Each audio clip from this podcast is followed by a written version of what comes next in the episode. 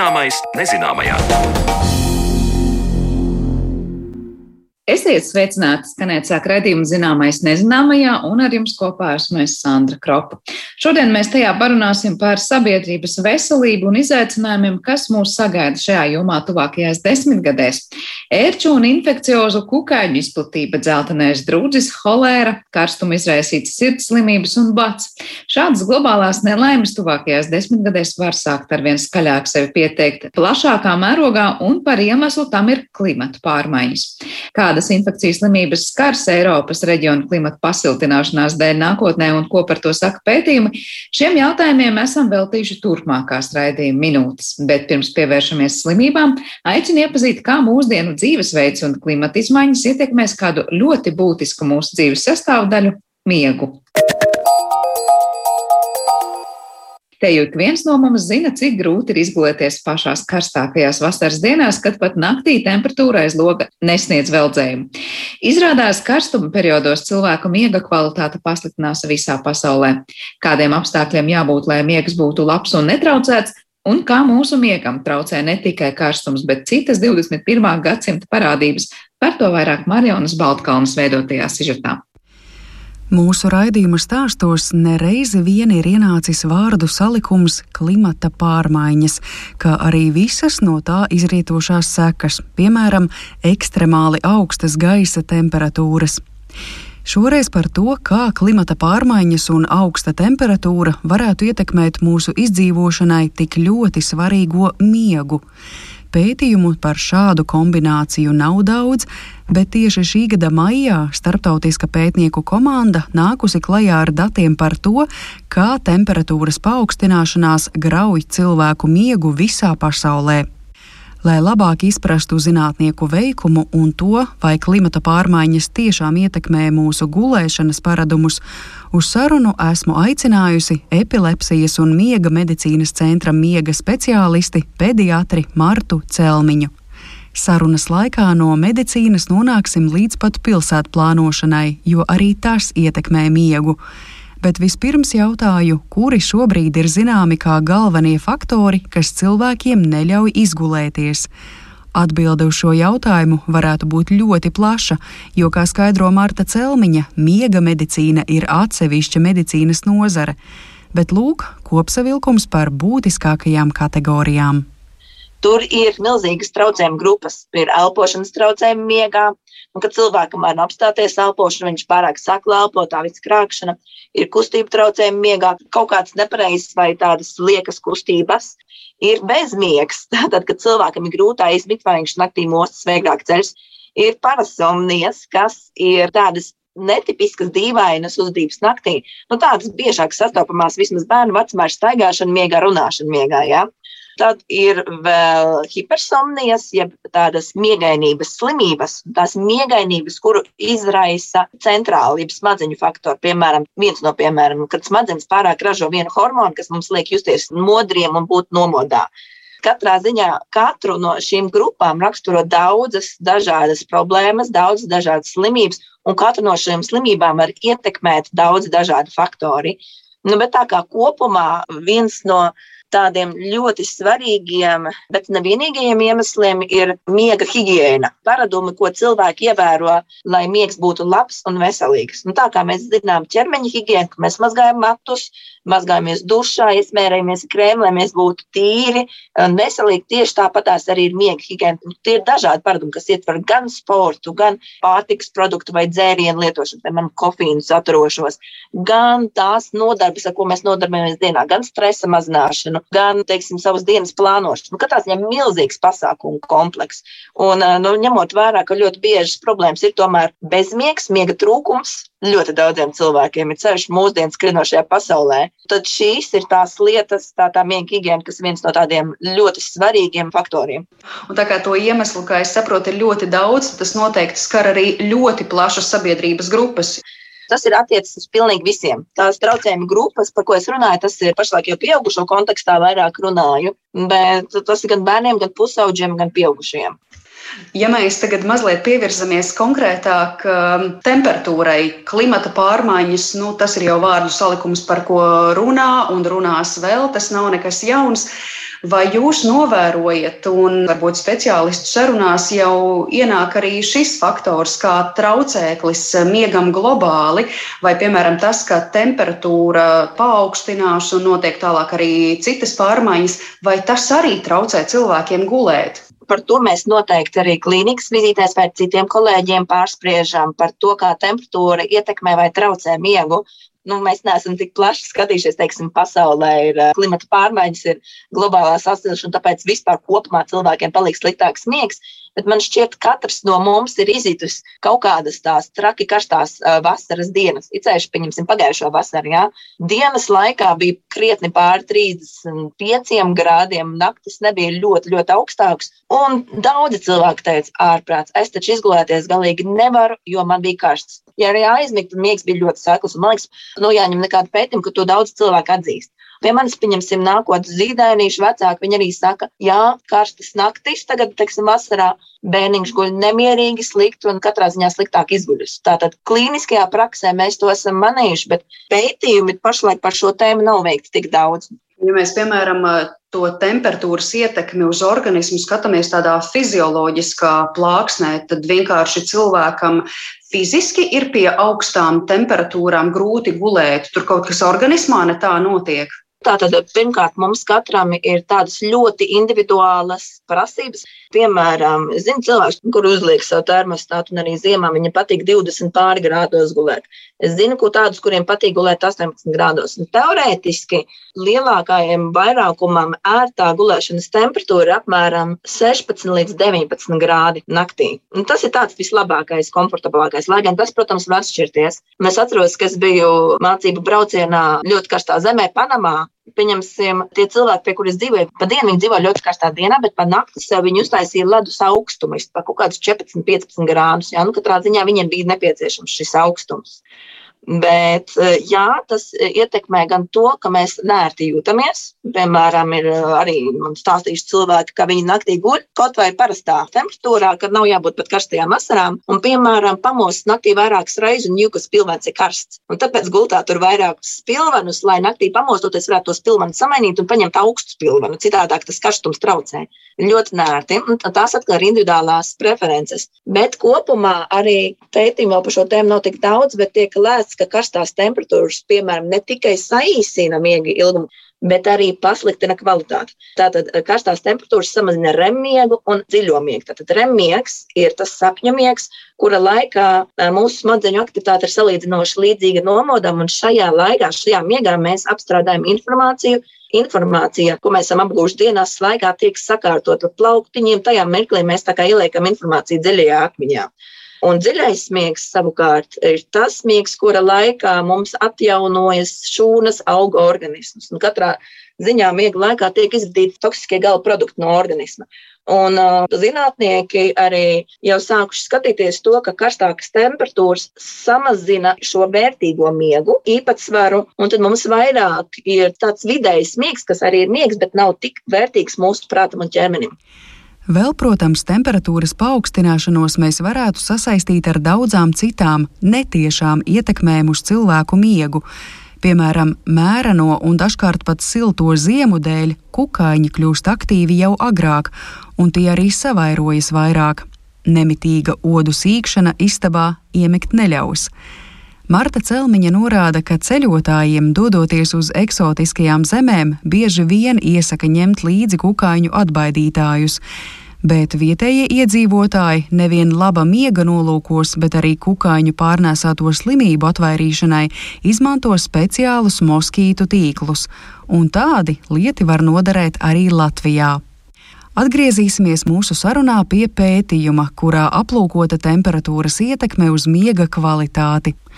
Pētījumā norādīts, ka sabiedrībā kā galvenās zaudētājas no temperatūras paaugstināšanās un līdz ar to miega kvalitātes krišanās būtu sievietes, seniori un cilvēki no ekonomiski mazāk attīstītajām valstīm.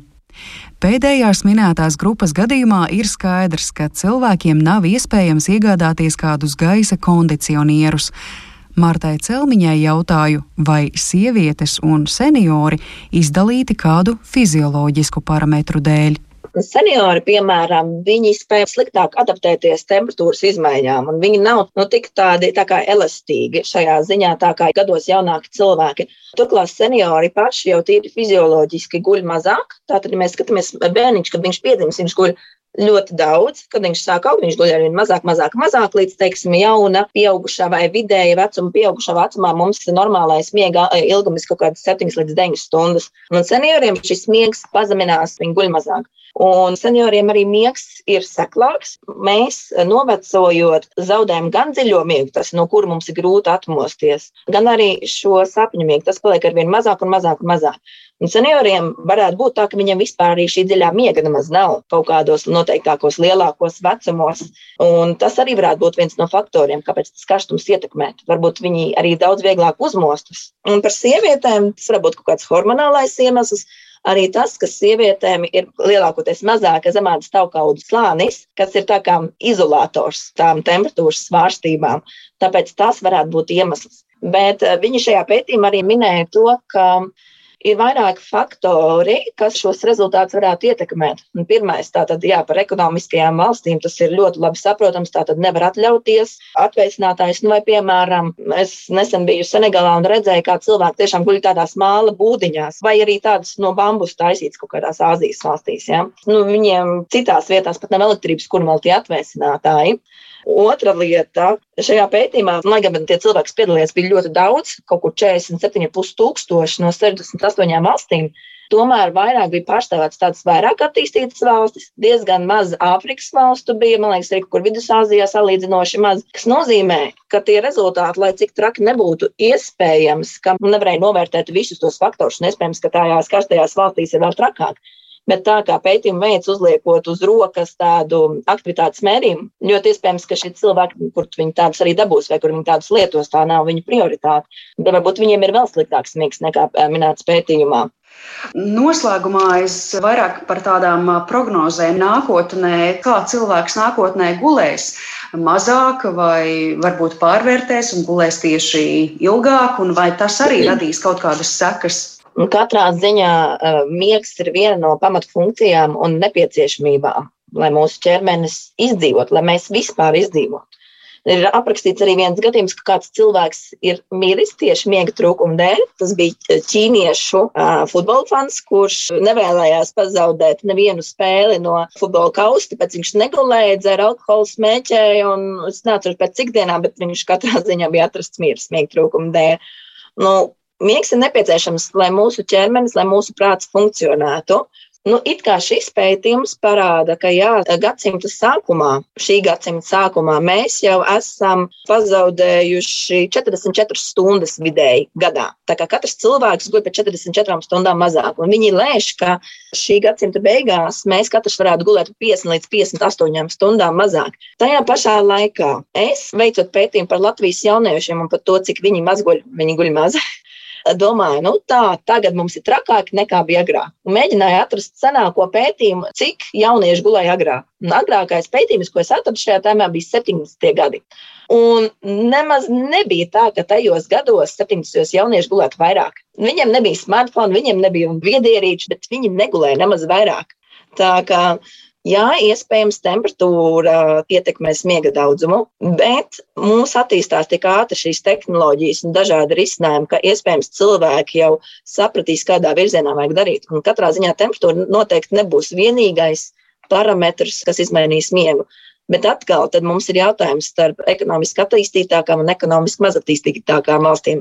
Jo, ja šī temperatūra izrādīsies ļoti spēcīgs faktors, tad tas vēl vairāk pastiprinās nevienlīdzību starp attīstītākām un mazatīstītākām valstīm. Un, nu, katrā ziņā grūti prognozēt, kas notiks.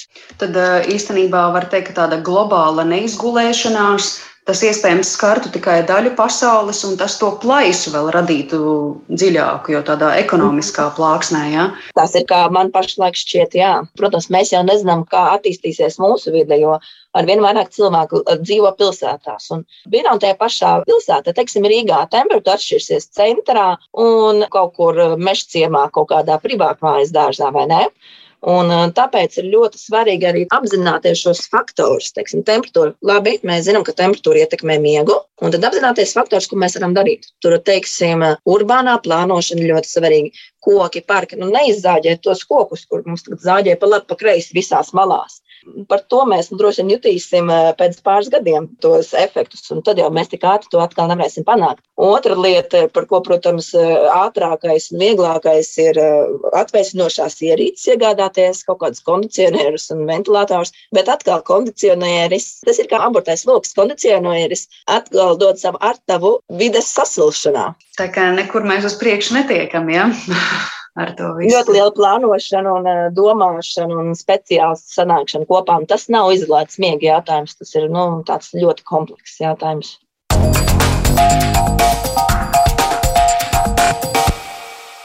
Tik tālu par miega kvalitāti, miega paradumiem un karstuma viļņu ietekmu uz cilvēku miegu pasaulē, bet turpmākajās minūtēs pievēršamies slimībām, kuras jau šobrīd izplatās klimata pārmaiņu rezultātā.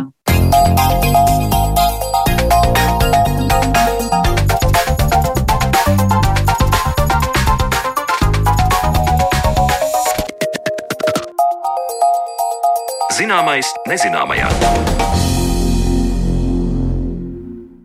Klimata pārmaiņas ir izaicinājums dažādos līmeņos, un viens no izaicinājumiem maz pētīts un vismaz Latvijā maz aktualizēts ir klimata pārmaiņu radītās veselības problēmas. Vai mainoties klimatiskajiem apstākļiem uz mūsu planētas draud pastiprināties dažādu infekciju izplatību, un vai kādas no klimata pārmaiņu radītām likstām patiešām izjutīsim uz savas ādas arī šeit pat Latvijā, par to mēs turpmākajās minūtēs runāsim ar mūsu studijas viešņām infektoloģi, hepatoloģi sniedz Laivacumu un Rīgas Stradiņa Universitātes asociēto profesoru, slimības veselības speciālisti Ines Gobaņu. Labdien! Labdien! Labdien. Mēs parasti šajā raidījumā runājam par klimata mainību un to, kā tas ietekmēs nu, visdažādākās jomas, un beig beigās mēs esam nonākuši līdz slimību izplatībai. Vai jūs arī teiktu, ka mainoties klimatam, mums ir nu, diezgan būtiski jādomā par to, kā mainīsies arī slimības, ar kurām iespējams saskarsimies? Uh, Ines, sāks ar jums. Ja nu salīdzinājumā ar um, citām jomām, man liekas, ka um, veselība ir tā, kur klimata pārmaiņu ietekme ir nepiedodami mm, vēl par maz aktualizēta gan pētniecībā, globāli, gan sabiedrībā kopumā. Bet um, šie jaunākie fundamentālie pētījumi, kas salīdzinoši tiešām neseni publicēti Lancet, Nature žurnālos, uh, liecina, ka neapšaubām šī ietekme būs, un, protams, tā būs negatīva. Tā kā var teikt, mēs arvien sākam apzināties tos, tās ietekmes, par kurām patiesībā vēl daudz kā pētām. Sniedza kāds skatījums uz to, kā klimats izmainīs arī to, ar ko slimosim. Um, es domāju, ka jā, noteikti infekciju jomā, jo īpaši mēs redzēsim uh, lietas, kuras varbūt līdz šim mūs nav skārušas tik daudz, jo tas, ko mēs jau uzreiz varbūt šeit varam redzēt, un gan jau, ka cilvēki paši ir sajutuši, kas notiek ar ērču pārnestām slimībām mūsu valstī. Un, nu, ņemot vērā, ka klimats mums kļūs siltāks, tas nozīmē, ka mums būs vairāk infekciju pārnesēji. Ja mēs attējam no ērcēm, ir dažādas slimības, par kurām varbūt vēlāk varēsim vēl parunāt, kuras tiek pārnestas ar dažādiem odiem, moskītiem vai citiem vektoriem, kuriem tagad mūsu reģions būs piemērots dzīvošanai, un līdz ar to mēs redzēsim vairāk arī infekcijas, kuras viņi var pārnest. Es domāju, ka ļoti daudz cilvēku tieši par rodiem arī varbūt pirmajām reizē iedomājos, jo mēs daudz dzirdam par malāriju, par dzeltenu drūdzi, par daudzām citām saslimšanām, kas ir nu, vairāk saistāmas ar tādām tropisko nezinu, zonu, šobrīd moskijas slimībām. Kas, jūsuprāt, Latvijā ir tās aktuālākās un cik tuvā nākotnē tās varētu būt aktuāls arī pie mums? Um, nu, par moskītu pārnestām uh, man šķiet, ka Latvija pagaidām nav liela riska reģions. Jo, ja mēs runājam par moskītiem, uh, nu, moskīti ir faktiski augstasiņu būtnes, un viņi ir tik silti, cik ir silta apkārtējā vide. Un līdz ar to par, par šīm moskītu pārnestajām uh, infekcijām Vairāk es domāju, ka vispirms būs jāsatraucas Dienvidu Eiropas valstīm, un tad iespējams arī mums. Un, ja mēs runājam, nu, dzeltenais drūcis varbūt vēl netik daudz, bet par ko jau Dienvidu valstīs vairāk, ja mēs runājam par šiem dzeltenā drūča moskītu un um, tīģeru, tīģeru odu, uh, kas var pārnest, tad vairāk tā runa ir par denges drūci, piemēram, um, arī par zikas vīrusu, ja mēs runājam arī par, par neiroloģiskām lietām rietumnīlas drudzis sāk parādīties Eiropā, un tas arī ir moskītu pārnests. Un, diemžēl to jau mēs redzam ne tikai Dienvidu valstīs, bet pēdējos gados jau ir ziņojumi arī no Vācijas, no Nīderlandes, ka viņiem ir šie gadījumi. Bet, jā, un, protams, tas ir atkarīgs no šiem pārnesējiem, jeb vektoriem. Un, ja mēs runājam par to ēdis Eģipti odu, ko sauc, kurš, manuprāt, nedaudz varbūt nu, mulsinoši, kuru sauc par dzeltenā drudža odu, lai gan viņš jau nepārnes tikai dzelteno drudzi. Tas ir, to, to, tas ir tāds ļoti kompetents pārnesējs, un, un, un viņš var ļoti efektīvi pārnest dažādus vīrusus. Tas otrs, kas ir albu piktus, jeb tas tīģerots, viņš ir fleksiblāks, viņš var izdzīvot arī augstākās temperatūrās, bet viņš atkal nav tik efektīvs pārnesējs. Līdz ar to viņam varbūt tie, tie vīrusi, piemēram, nav tik daudz, vai arī viņš nespēja viņus nodot nākamajam saimniekam tik efektīvi. Bet nu, tas, ka šie, es nezinu, varētu teikt, Āfrikas un Dienvidvalstu vektori, ja pārnesēji ienāk mūsu populācijā, tas ir, tas ir fakts. Jā. Bet cik es zinu, pagaidām Latviju tas nav skāris. Ines, kā no sabiedrības veselības nu, ierobežošanas, kādu slimību raugoties pasākumiem, mēs varam teikt, nu, klimats mainīsies, ar to vienkārši sadzīvosim, vai tiek domāts par to, nu, kas ir jādara, lai tomēr tikko sniedzas nosauktie odi nu, nenodara vērā ņemamu kaitējumu arī Latvijas iedzīvotājiem. Es zinu, ka tajās dienvidu valstīs parasti tiek domāts par to, vai netiek atstāts kaut kur ūdens, nezinu, bez uzraudzības, vai tas sastāvās un tās ūdens tilpes ir pieejamas. Un, un pavisam tālās valstīs, ka Brazīlijā pat kapsētās, tāpēc ir aizliegts um, ziedus likt uh, vāzēs un ūdenī atstāt, jo patiesībā tas ir veids, kā izplatīties slimībām. Vai ir kaut kādas vadlīnijas, eh, kas tiek nezinu, izstrādātas vai par kurām domāts Latvijā, lai tas nenotiktu? Nu, cik es zinu, tad nē, vēl nē. Un, eh, es domāju, mēs neesam vienīgie. Virkni valstu vēl nav apzinājušās eh, to potenciālo ietekmi un tās rīcības, kas ir nepieciešams. Mēs šobrīd runājam par vairāk par šiem globālo klimata pārmaiņu cēloņu cēloņiem, kas ir šīs gāzes emisijas, fosilais kurināmais.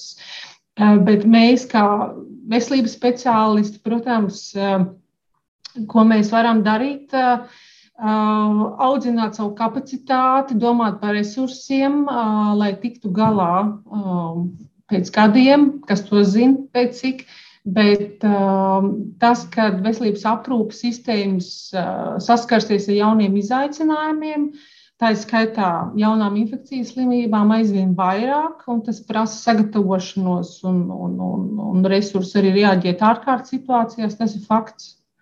Nu, proti, mēs nevaram palikt tikai pie tā, ka gaidīsim un cerēsim, ka konkrētie ūdeņi līdz mums nenonāks. Ja tie agrāk vai vēlāk mm. nonāks, jautājums, cik gatavi mēs būsim.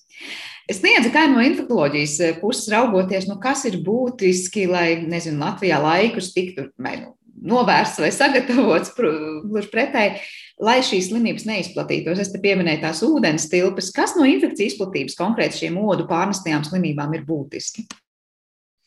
Um, Ja par to ūdeni runā, droši vien par to runā tādēļ, ka odiem dzīves cikla laikā viņi, viņiem ir nepieciešams šis ūdens, un tad tās oliņas tur, tur nobriest līdz jaunam odam. Uh, nu, protams, jā, siltas ūdens tilpnes un silti laikapstākļi ir ļoti labvēlīgi odu attīstībai, Bet, ja jūs man jautājat, ko mēs varam izdarīt, manuprāt, mēs īsti neko nevaram kā katrs kā indivīds izdarīt. Mēs varam teorētiski būt gatavi sagatavoties, ka ja tā būs, lai mēs varam uh, nu, laicīgi atpazīt šos simptomus un saprast, jo nu, redz, viens ir tas, ka ir infekcijas, kur tas otrs var nodot uh, to infekciju no sevis uh, kaut kādam cilvēkam, kurš saslimst. Bet tas tālākais arī ir jāsaprot, ka vai būs iespēja, ka, piemēram, tie, tie odi spēs pārnest to no cilvēka cilvēkam, jo nevienmēr tas tā ir, jo, piemēram, mēs jau redzam, ka mums atbrauc cilvēki, atlido no dažādām valstīm ar malāriju, ar denges drudzi, ar kādu čikungunjas vīrusu. Bet kas mums pagaidām ir veiksmīgi, ir tas, ka mums nav tas, kas pārnesīs to no viena otram. Līdz ar to nu, mums tas viens gadījums ir, mēs viņu atpazīstam, nu, ātrāk vai vēlāk izārstējam, un, un ar to viss beidzas. Un kamēr nu, tieši tā, un daudzas šīs, kas ir vektoru pārnestās infekcijas, kamēr mums nebūs tie vektori, tie odi vai mušas vai, vai, vai, vai tur blaktis, tikmēr mūs tas ļoti neietekmēs. Mēs redzēsim šos atsevišķos gadījumus, bet tas mums neizplatīsies. Un es domāju, nu, ka tas pagaidām mums ir tā, tā veiksmīgi un paveicies, bet nu, tik, līdz, tik līdz vektori ienāks, nu, tad, tad gan varbūt tā izplatība būs, varbūt būs strauji, varbūt būs lēnām. To neviens, protams, nevar paredzēt, kā tas notiks.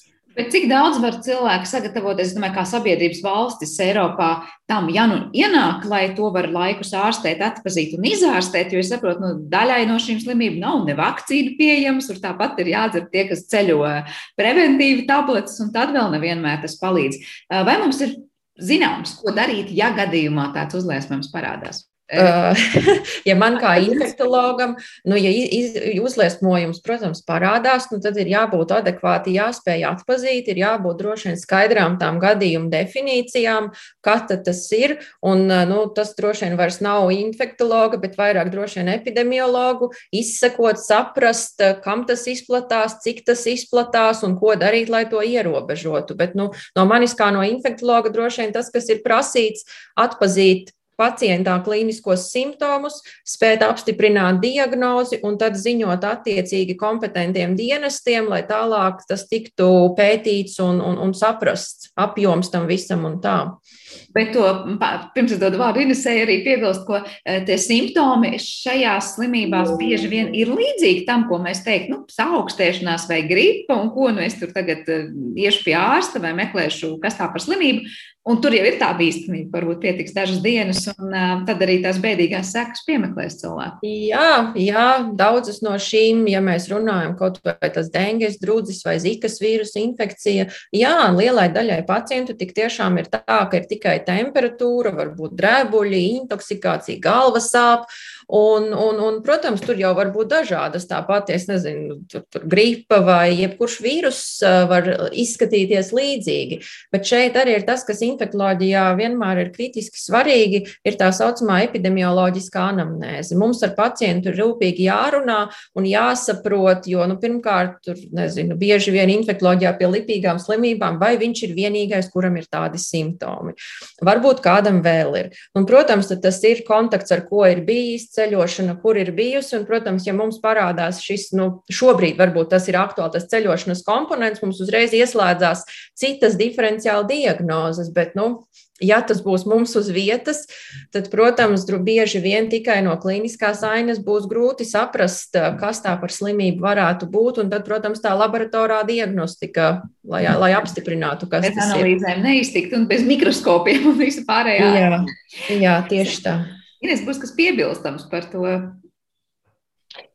Nu, jā, nu katrā ziņā arī infekciju jomā mums ir jābūt gataviem risināt aizvien teiksim, eksotiskākus gadījumus, sarežģītākus. Un, un, ja līdz šim teiksim, šīs infekcijas slimības, tā saucamās ceļotāju slimības, varbūt bija aktuāls individiem, kas devās tiešām uz tādām eksotiskām zemēm, kur uzreiz ir kaut kāda riska līdz ar globālā klimata izmaiņām. Uh, Um, šīs teritorijas, kur ir potenciāli draudi šādām veidu saslimšanām, kļūst aizvien uh, plašākas, aizvien vairāk. Kā arī mēs runājam ne par rodiem, tas niedz sākumā par ērcēm arī teica, vai mums ir kaut kas, kas jāņem vērā, mainoties klimatam, tur, piemēram, ērču izraisītas vai pārnēsātas saslimšanas, arī mainīs, es nezinu, vai to savu veidolu vai to izplatības, es nezinu, areālu vai atkal intensitāti, kurā mēs ar to saskatīsimies un kurā virzienā mēs par to varam domāt. Varbūt gluži pretēji kādas slimības ies zudumā. Jācer, ka ies zudumā, bet droši vien ērču slimības ies tikai plašumā, jo nu, ņemot vērā to, ka mums ziemas ir tādas maigākas un, un, un tā temperatūra ir, ir, ir siltāka, plus arī tas, ka, ko mēs redzam, mums izstiepjās pavasaris un rudens, tas paliek pa tā paliek stipri garāks, un tas ērcēm, protams, ir ļoti veiksmīgi. Um, līdz ar to tās ērces ir vairāk, inficētās ērces ir vairāk. Un, un mēs arī redzam, ka ir vairāk pacientu, nu, kas mums Latvijā ir aktuāli. Protams, laimas slimība, kas ir, vien, kas ir biežākā ērču pārnestā infekcija. Un, un, un otrs ir ērču encefalīts, un trešais droši vien šobrīd mums ir erlihijas, um, erlihioze, Un mēs redzēsim vairāk, un šobrīd arī, manuprāt, esmu, esmu lasījis par to, ka pirmkārt tie apgabali, kur ērces izplatās, kļūst lielāki, izplašoties plašumā, plus arī kaut kādā veidā ērces pielāgojas tam, ka ja mēs runājam augstumu virs okeāna līmeņa, ka viņas uh, spēja arī augstākos, uh, augstākos reģionos jau būt un, un, un, un pārnest šos patogēnus arī. Līdz ar to tā izplatība notiek lēnām vai ātrāk, bet tie reģioni, kur ērces, kuras pārnes patogēnus, kļūst lielāki. Jā. Un tā tad varbūt arī siltāku ziemu, nezinu, būšana, jā, patiesībā ir aspekts, kas arī daudzus no šiem slimību pārnēsātājiem patiesībā, nu, var teikt, palīdz viņiem uh, uzturēt, uzturēt savas populācijas un savukārt darīt. Viennozīmīgi, viennozīmīgi, jo, uh, nu, ja mēs runājam, piemēram, par, e, piemēram, par ērču encefalīta vīrusu, tas ir vairāk ērču, ir gandrīz tieši saistībā ar vairāk slimību, jo Um, piemēram, ērču encefalītam ir tā, ka, ja tā odu, ērču māmiņa ir inficēta ar ērču encefalīta vīrusu, visi pēcteči būs arī inficēti. Tas nozīmē, ka vīruss pāries nu, teikt, no paudzes paudzē. Un tas nozīmē, jo vairāk mums no tās vienas ērces ir to pēcnācēju, jo vairāk mēs droši vien redzēsim pacientus. Par laimi tas tā nav ar lielāko daļu bakteriālo, bakteriālo patogēnu, jo ar borēlijām, kas ir, piemēram, laimes slimības izraisītājs, nu tā viena ērce ir inficēta ar borēlijām, Tad, kad viņa nomirst, ar to viss beidzas, un tad tās nākamās paudzes, ja viņas kaut kur inficējas, tad viņas atkal kļūst par tiem pārnesējiem. Bet tas, ka ērču populācija kopumā kļūst aizvien bagātīgāka un lielāka, tas ir fakts. Jā. Jā, tas tiešām izklausās biedējoši, tas, kas ir par encefalītu. Tad, proti, visām pēc tam ērču pēcnācējiem būs šis konkrētais vīrus, tas tiešām ir nu, iespaidīgi.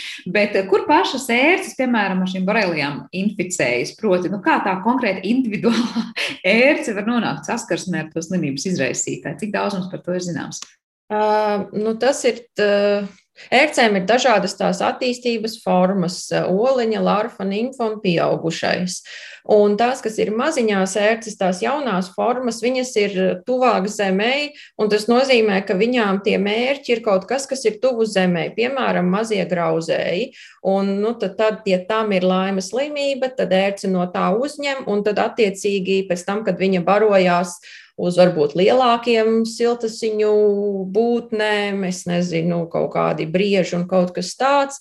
Bet, eh, nu jā, kaut kur, jo, jo laimes slimība tas nav tikai cilvēka slimība. Tas nozīmē, ka arī dažādi siltaziņu dzīvnieki piedalās šajā infekcijas pārneses ciklā.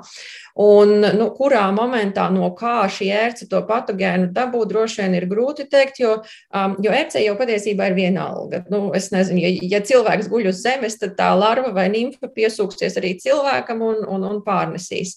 Bet pārsvarā, jā, tie rezervuāri ir dzīvnieki, no kuriem tās ērces dabū, jo nu, reti, kad, nu, es teiktu, diezgan neiespējami, ka Es nezinu, piemēram, cilvēkam ir laimes slimība, viņam iekož ērce, kura pēc tam aiziet tālāk un inficē dzīvnieku. Nu, parasti tas, protams, ir pretējā virzienā. Uh, Jā, bet eh, ik pa laikam uzvarmo runas arī par to, ja notiek kaut kādas ekosistēmā izjauktās līdzsvaru lietas, par kurām mēs sakām, ja, ka varbūt tas savukārt kāds mērķa organisms kādam citam mazam organismam atkal ir cits, un finālā mēs to ainu pamainām. Ines, ir kaut kas zināms par to, nu, to plašo bildi, kā mēs sakām, izmainās kaut kādas uh, attiecības konkrētajā ekosistēmā starp dzīvniekiem, kaut kas kļūst vairāk, kaut kas kļūst mazāk, un tad arī mēs tās sekas pieredzam negatīvās. Jā, es neesmu vidas eksperts, kur daudz runā par šo, bet uz šodien ir skaidrs, ka šī bioloģiskā daudzveidība, kas iet zudībā, un aizvien intensīvāk par ko ir satraukušies biologi un, un valdības, ka tas neapšaubām ietekmē arī mūsu cilvēku veselību, kas ir šis dabas kronis, bet šis kronis un viņa labklājība ir visnotaļ atkarīga no vismazākā, vismazākā uz šīs planētas mikroorganismiem, kas dzīvo ūdenī, augsnē, mazajiem dzīvnieciņiem, kur šīs barības ķēdes saslēdzās, un mēs viens otram esam vajadzīgi. Ja kāds no šīs ķēdes izkrīt, izmirst, tā tiek ietekmēta vispārējie. Bez šaubām. Šī bioloģiskā daudzveidība saistībā ar klimatu pārmaiņām, šis jautājums ir ļoti, ļoti aktuāls. Jā.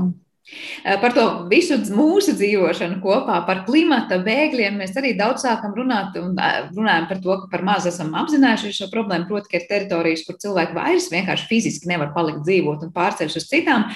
Vai jūs redzat, ka tāda cilvēku piespiedu migrācija arī būs viens no veidiem, kādā tā slimības izplatīsies? Jo, protams, mēs sāksim dzīvot daudz vairāk kopā, varbūt tur, kur mēs citādi nedzīvotu, un tie reģioni, kuri kaut kādā veidā sāk kā, nu, krustoties ceļi arī kļūst jauni, vai mēs varam teikt, ka cilvēku piespiedu migrācija klimata dēļ arī atspoguļosies tajā, ar ko un cik daudz un kur slimosim?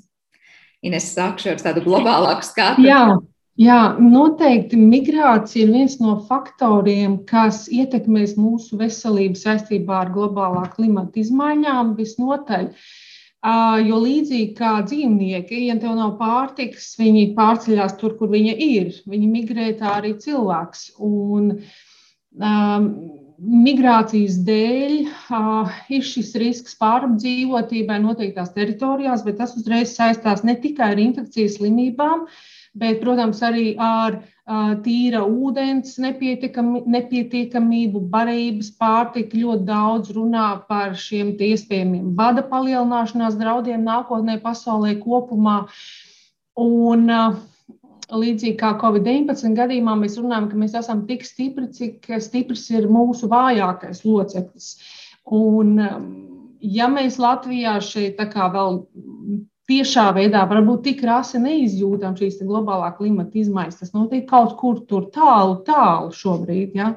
Tad tā, tā, tāds ir tāds maldinošs uzskats, ka tas nekādā veidā mūs neietekmēs. Noteikti ietekmēs mūs kā sabiedrību, mūsu resursus pieejamos, kā mēs varam viens otru atbalstīt un izdzīvot sniedza, kā ir ar, nezinu, cik ļoti infektuologi skatās tajā virzienā. Nu, arī mēs bieži saucam ar rūdeni saistītās saslimšanas, kas patiesībā ir stāsts par tiešām nu, atbilstošu sanitāro apstākļu nēsamību daudzos pasaules reģionos. Un patiesībā milzīgs cilvēku skaits joprojām dzīvo vietās, kurās nu, tās saslimšanas ir ļoti, ļoti būtiskas. Un te mēs runājam par to, ka laikam viens no top trīs eh, slimībām, kas izraisa vislielāko mirstību pasaulē, joprojām ir šī diarēja, caurēja, kas ir maziem bērniem.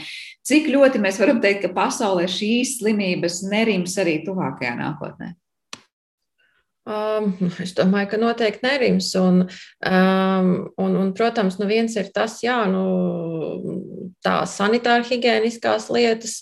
Protams, ja to uzlabos, tad savā ziņā to varēs samazināt. Bet atkal, ja jūs arī runājat par cilvēku migrācijām un tādām piespiedu migrācijām, tad, protams, jā, jāņem vērā, kādi būs tie apstākļi, uz kuriem tie cilvēki migrēs. Un, ja viņi strauji dosies kaut kur uz kaut kādu reģionu, tad droši vien jautājums ir, vai cik liela tur ir tā kapacitāte tam visam, vai tur spēs nodrošināt, lai tie cilvēki varētu adekvāti, lai viņiem būs tās sanitāri higiēniskais, viss pieejams, cik būs pieejama veselības aprūpe, piemēram, un, un, un viennozīmīgi tas var radīt problēmas, plus arī tas, cik tuvu viens otram dzīvos, jo mēs zinām, ka, piemēram, Eiropā mēs diezgan reti dzīvojam, un es nezinu, ir lieli dzīvokļi, nezinu, ar daudz istabām, kur varbūt dzīvo divi cilvēki, un ja mēs paskatāmies uz citām valstīm, tur vienā mazā istabiņā varbūt tur dzīvo vesela ģimene. Un, protams, ja tie apstākļi ir stipri tuvāki, tad eh, visādi patogēni, tā skaitā arī varbūt, ja mēs runājam jā, par šīm fekālo-orālajām infekcijām, uh, nu, tas ir viens, ka viņas izplatās varbūt ārējā vidē, bet arī tas, ka vienam no otra būs vieglāk viņas dabūt, ja mēs dzīvosim ļoti, ļoti tuvu kopā.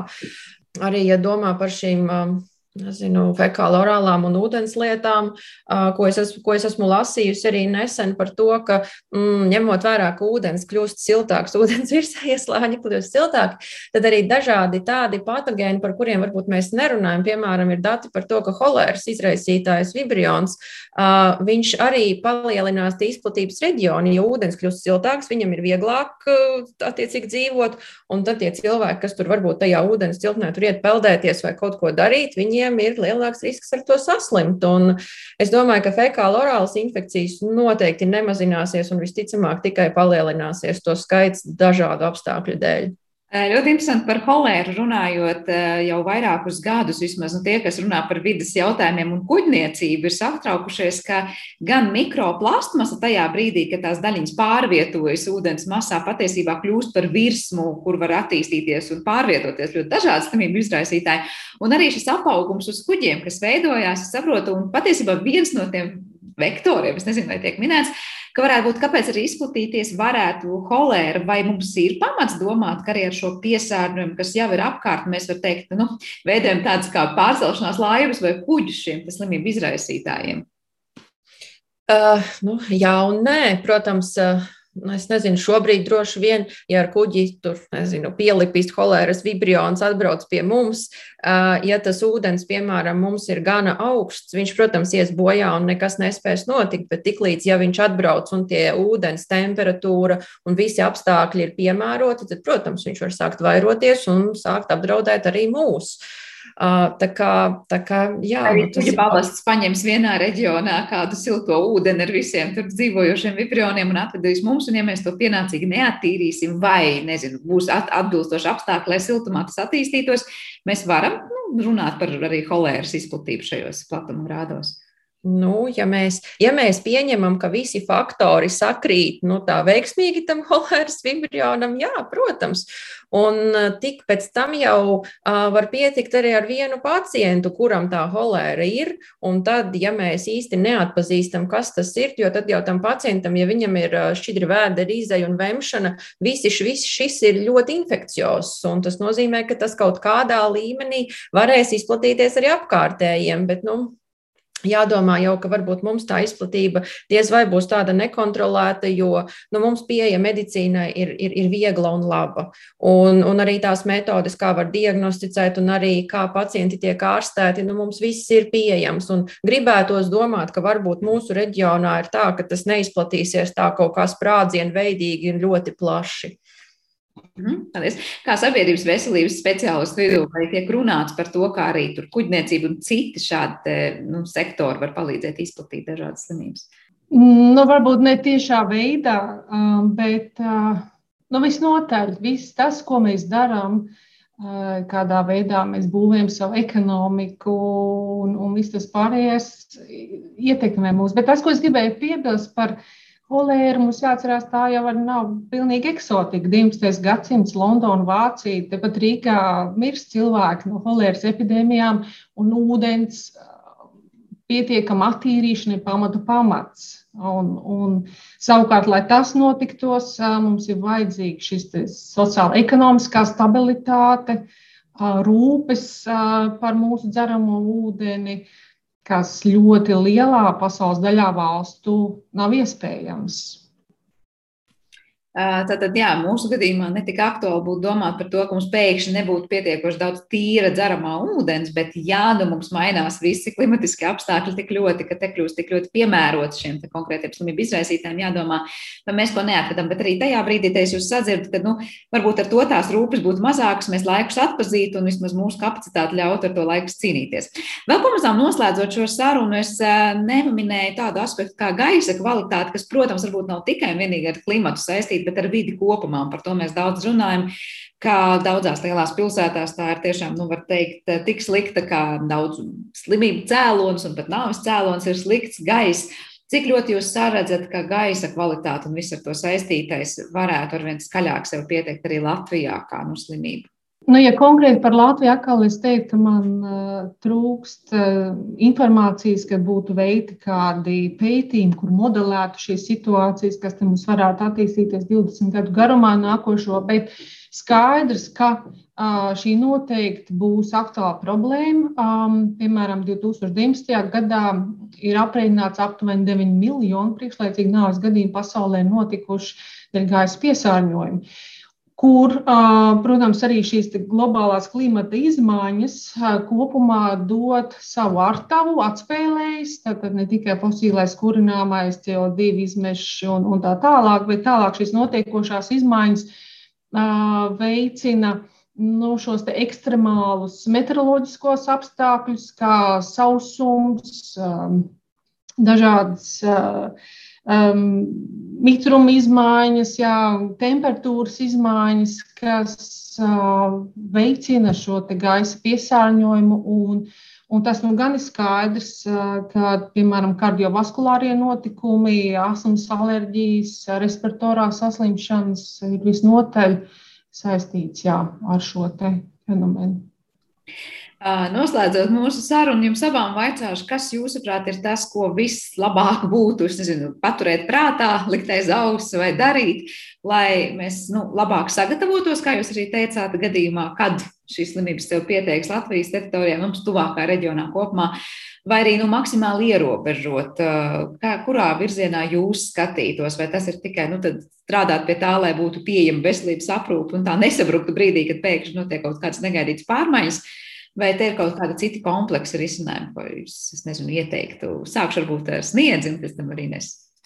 Um, nu jā, nu grūti tādu vienu pateikt. Drīzāk jau ir tas, ka droši vien, ka jābūt ir gataviem, arī emocionāli gataviem, ka kaut kas tāds var būt, un, un ārstiem tiešām domāt plašāk un uzdot tos jautājumus, un pacientiem pašiem arī, protams, ja viņi kaut kur dodas kur ir dažādas tropiskas infekcijas, būt lietas kursā, mēģināt no viņām izvairīties, un savukārt, nezinu, ja atbrauc atpakaļ ar simptomiem, nu, tad griezties laicīgi pie ārsta un, un, un stāstīt, kur viņš ir bijis un kas ir noticis un tam līdzīgi. Tas, protams, ārstiem daudz palīdz, nu, vismaz šobrīd tas daudz palīdz, lai saprastu tās diagnozes.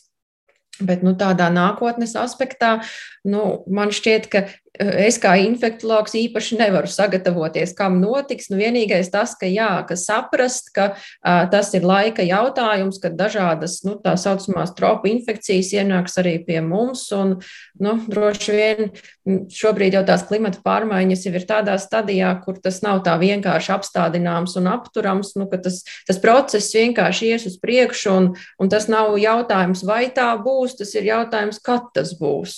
Un kā tieši tas būs? Arī, un, tas ir interesanti. Bet tieši tā, kā jūs minējāt, laikam jau ja mēs esam informēti par to, kas līdz mums var nonākt. Mēs varam ātrāk reaģēt brīdī, kad tas nonāk un zināt, ko darīt. Inese, noslēdzošie vārdi par to no sabiedrības veselības, varbūt puses raugoties, ko mēs katrs varam likt aiz auss un par ko interesēties, un varbūt, es nezinu, katrs savā profesionālajā jomā darīt. Jā, nu tiešā veidā, protams, veselības aprūpē es redzu šīs investīcijas, kas ir vajadzīgas aizvien vairāk, jo šo vajadzību būs aizvien vairāk. Un, uh, mums ir jābūt gataviem, ka šīs globālās pārmaiņas notiks. Uh, mēs viņas gribam bremzēt, bet, uh, bet nu, šīs negatīvās sekas ietekmes veselību, tas, ar ko mums ir jārēķinās aizvien vairāk. Bet, protams, man gribās mazliet filozofiskāk, nu, lai man jau patīk, ka mēs domājam par šiem cēloņu cēloņiem, kāpēc tas viss notiek. Un, uh, vidas eksperti var runāt uh, noteikti detalizētāk par šo, bet skaidrs, ka arī no sabiedrības veselības viedokļa, piemēram, mums ir jādomā plašāk, uh, jāpanāk kaut kādas fundamentālas izmaiņas uz kādiem principiem, uh, mēs eksistējam un balstās mūsu sabiedrība ekonomika, kas ir tas svarīgākais. Meklējam jaunus inženiertehniskus risinājumus transportā, pilsētu būvē, piemēram, karstuma viļņi kļūst aizvien biežāki. Un mirstība vecumā virs 65 gadu karstuma dēļ viņi pieaug. Viņi pēdējos 20 gadus ir pieaugusi uz pusi. Uh, Bet šeit mēs varam domāt no infrastruktūras viedokļa gan par šīm kondicionēšanas sistēmām, siltumizolāciju, kas reizē arī karstumizolācija un tam līdzīgi. Ir, ir virkni tādu praktisku lietu, ko mēs sadarbībā ar citiem sektoriem varam aizvien vairāk domāt, bet bez šābām kopumā es teikšu, šī problēma ir tiešām globāla, un katrs mēs ik viens varam domāt par to, ko mēs darām, ko mēs ēdam, kā mēs dzīvojam, kā mēs pavadām savu brīvo laiku, kas mums ir svarīgs, kas tomēr nav varbūt tik svarīgs. Jā, un arī kādā mēs sevi atstājam. Jā. Un kādās pilsētās dzīvojam, tas, ko jūs teicāt par šo dzēsēšanu, arī mēs šajos raidījumos esam daudz runājuši, ka ir pat daudz risinājumu pilsētas plānošanā, kas parāds daudz vairāk zaļo zonu, kas patiesībā pa vairākiem grādiem pat sajūta ziņā liek cilvēkam justies, nu, var teikt, vēsākā pilsētā lielos karstos vasaras dienās. Bet šajā reizē es teikšu jums lielu paldies par sarunu abām un to, ka ieskicējāt tās lietas, par kurām ir vērts informēt, būt informētiem un, un paturēt prātā tuvākajā nākotnē. Un skaidrs ir viens, ka globālām problēmām vajag arī globāls risinājums, bet katrā tajā ir vieta arī daudz, daudzām tādām lokālām lietām, kuras spēr tos pirmos soļus.